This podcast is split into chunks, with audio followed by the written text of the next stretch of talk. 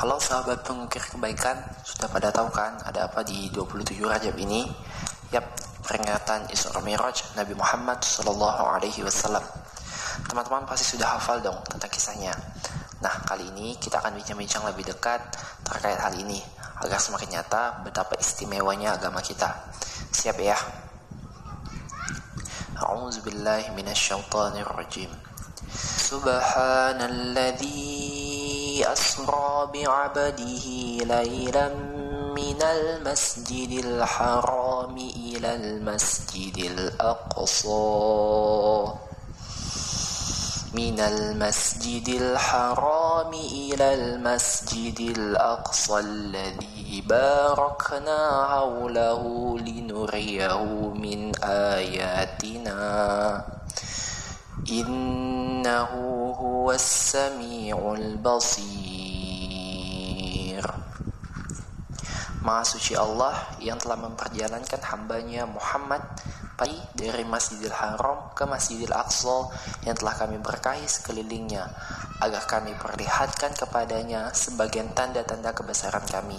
Sesungguhnya dia maha mendengar, maha melihat. Quran Surah Al-Isra ayat ke-1 Masya Allah, sebuah keajaiban yang telah nyata Allah berikan kepada kita.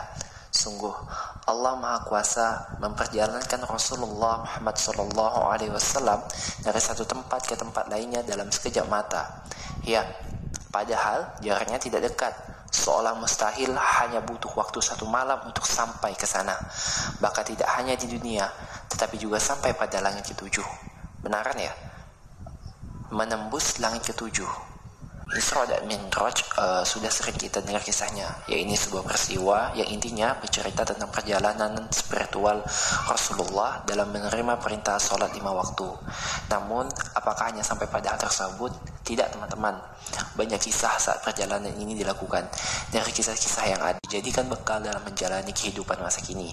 Hal ini penting banget untuk kita ketahui. Setuju ya kalau kita ulik lebih jauh lagi.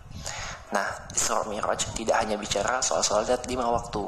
Jika kita kaji kembali, maka sesungguhnya ada beberapa pelajaran penting yang harus kita pahami.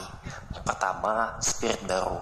Telah kita ketahui bersama bahwa Rasulullah Muhammad SAW tengah dirundung kesedihan bertubi-tubi sebelum peristiwa Isra Mi'raj terjadi.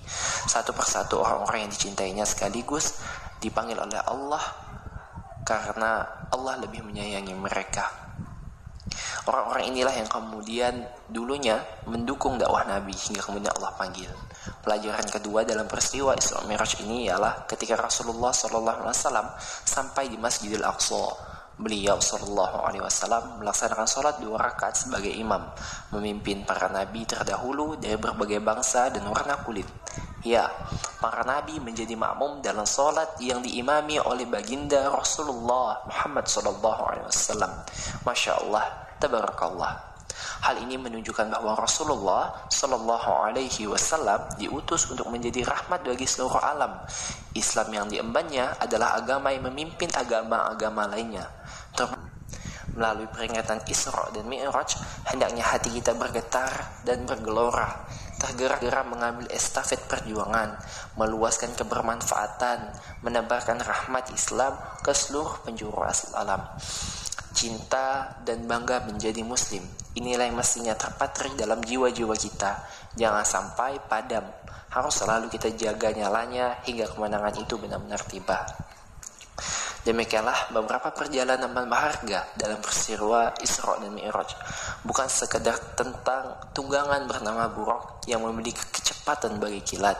Lebih dari itu, Peristiwa Isra dan Mi'raj juga merupakan penegasan bahwa baginda Muhammad Sallallahu Alaihi Wasallam membawa agama Islam yang diridhoinya, diridhoi Allah Subhanahu Wa Taala, agama yang kemudian pasti akan memimpin dunia. Jika dulu pernah ada, maka kelak pasti akan kembali. Kalaupun tidak saat ini, maka yakin pada satu waktu yang Allah jamin Yakin saja bahwa kesempatan untuk beramal ini Allah berikan kepada kita, generasi akhir zaman. Gimana? Mau jadi pejuang atau hanya jadi tim generasi penonton? Bismillah. Insya Allah kita siap-siap ya jadi pejuang. Allahu Akbar